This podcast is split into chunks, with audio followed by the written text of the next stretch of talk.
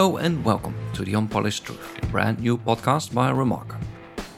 Over the course of 10 episodes, we will talk about a wild variation of political topics that trouble the world of today.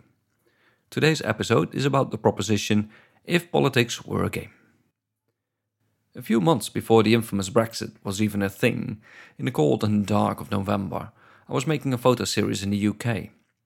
The series had a simple concept. In the short light of day, I would ask people in bars or petrol stations to what place I shouldn't go at night. Stories followed of secret experiments at military bases or parts of Birmingham where you get mugged the moment you show your face. The very same day, I would go there after sundown to these locations, on which nearly any event were quite harmless. The only exception to the rule was a peak of a mountain in the north of Wales, where the descent in the pitch black proved quite a struggle. The photo series showed a discrepancy between expectations and reality.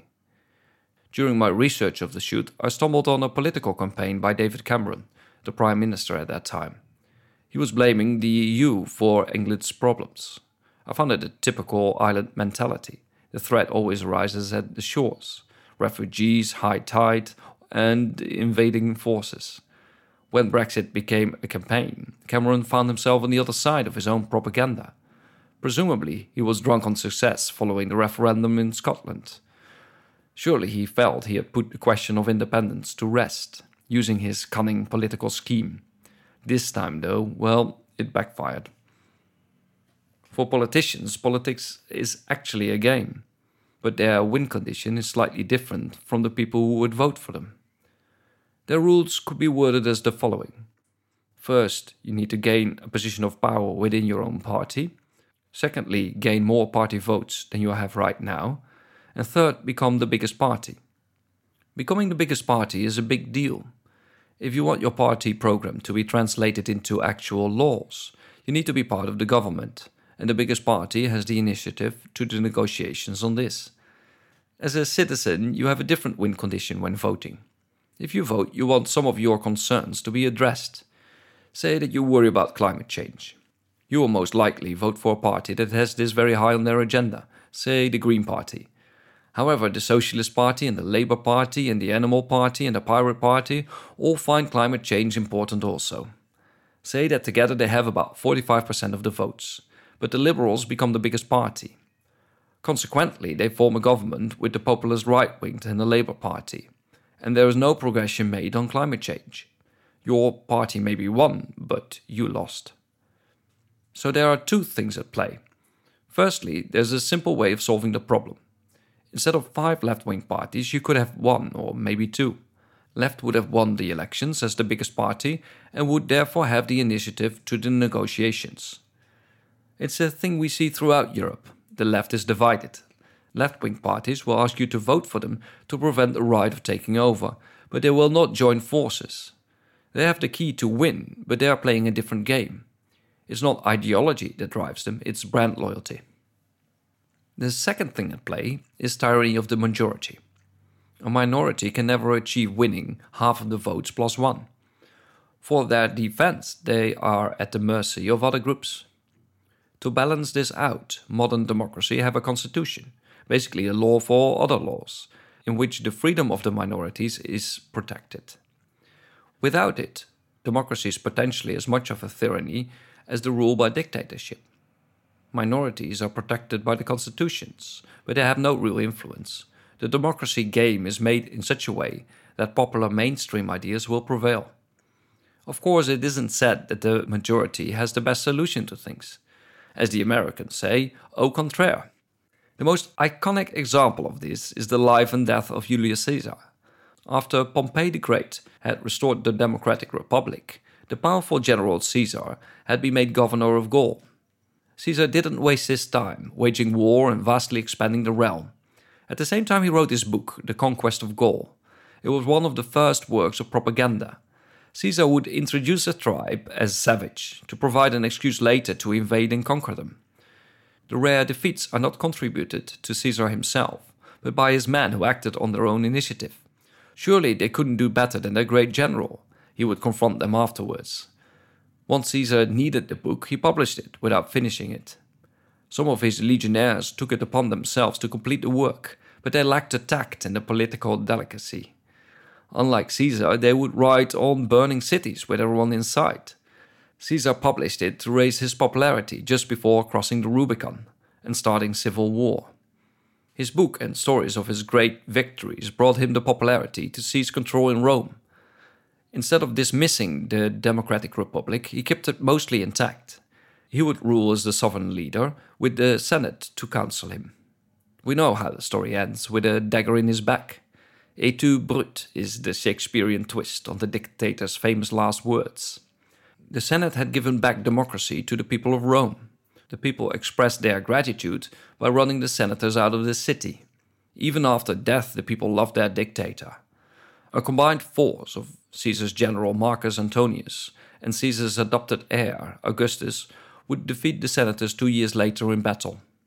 His name, Caesar, would live on as titles for many emperors, kaisers, and tsars. Tsars and kaisers have disappeared completely. Emperors are all but vanished. There's only one left in Japan. The dictators that filled the gap didn't want to associate themselves with family dynasties. As a consequence, they came up with new titles. Hitler and Stalin were known as leader, Mao Zedong was known as the great leader, and Fidel Castro was known as the greatest leader. Idi Amin's title is surpassed only by his killing spree. His full title is His Excellency, President for Life, Field Marshal, Al Haji, Dr. Idi Amin, Dada VC DSO MC, Lord of all the beasts of the earth and fishes of the sea, and conqueror of the British Empire in Africa in general and Uganda in particular. When Nietzsche proclaimed that God was dead, he had captured the zeitgeist perfectly. God was no longer the entity, to whom we were all subjected. It was the time of men who promptly convinced themselves, en masse, all across the globe, as divine beings. Even if the supreme leader was not a paranoid mass murderer, once he died, the flock was lost without their shepherd, and bloody struggle for power would follow. Democracy is an outrageous and fantastic idea. It's one of those few things every inhabitant of a democratic system agrees upon, left and right.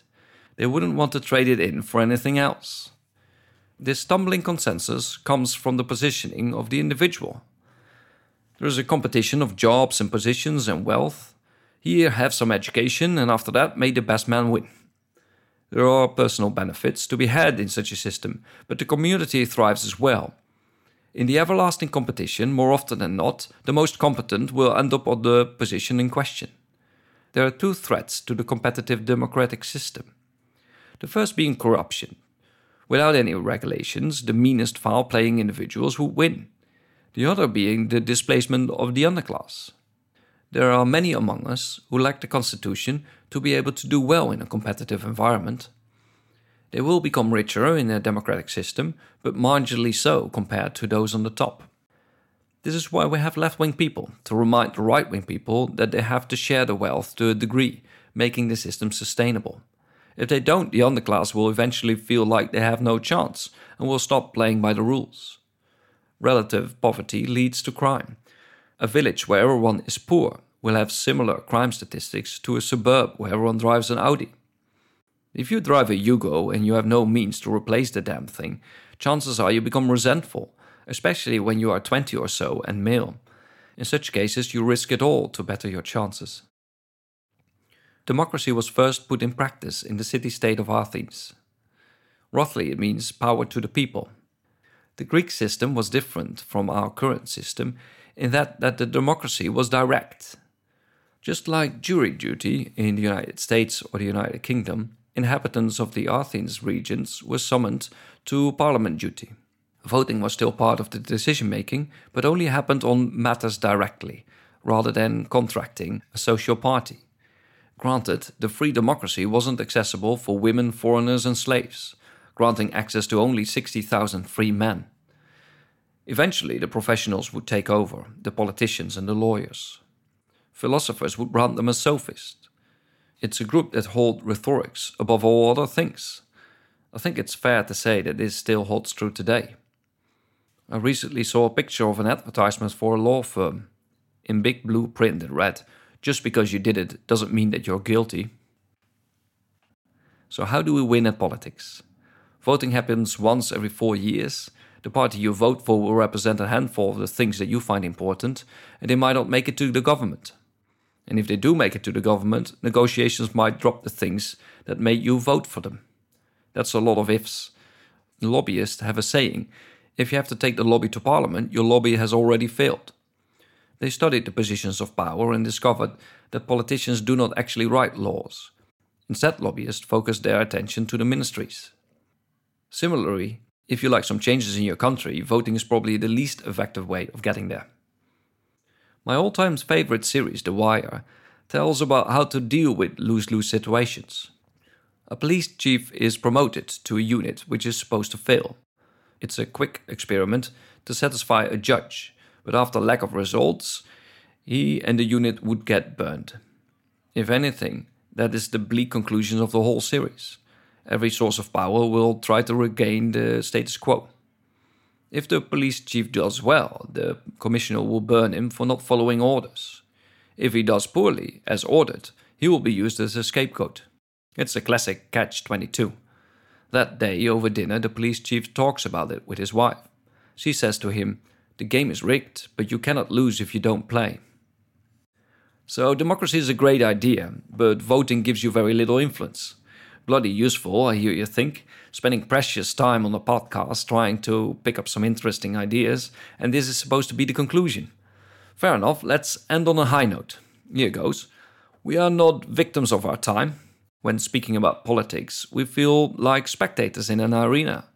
We say to each other, we are governed now by fascists, but maybe in four years' time things will turn out better basically the German model, although they needed two world wars to realize the errors of their ways. If you wish to contribute, start building on society. Use your skills to build your community. You'll be old and grey at the time politics will share your sentiment, if ever. An Australian software company called Atlassian organized one day a quarter where they say the next 24 hours that you work, you can work on whatever you feel like. All you have to do is show the results at the end of it. They assume that their workers are naturally motivated, and instead of telling them what to fix, they leave it in the hand of their employees. A majority of bugs and product flaws are being tackled in these days. People can be incredibly purposeful and motivated once they are left off the leash.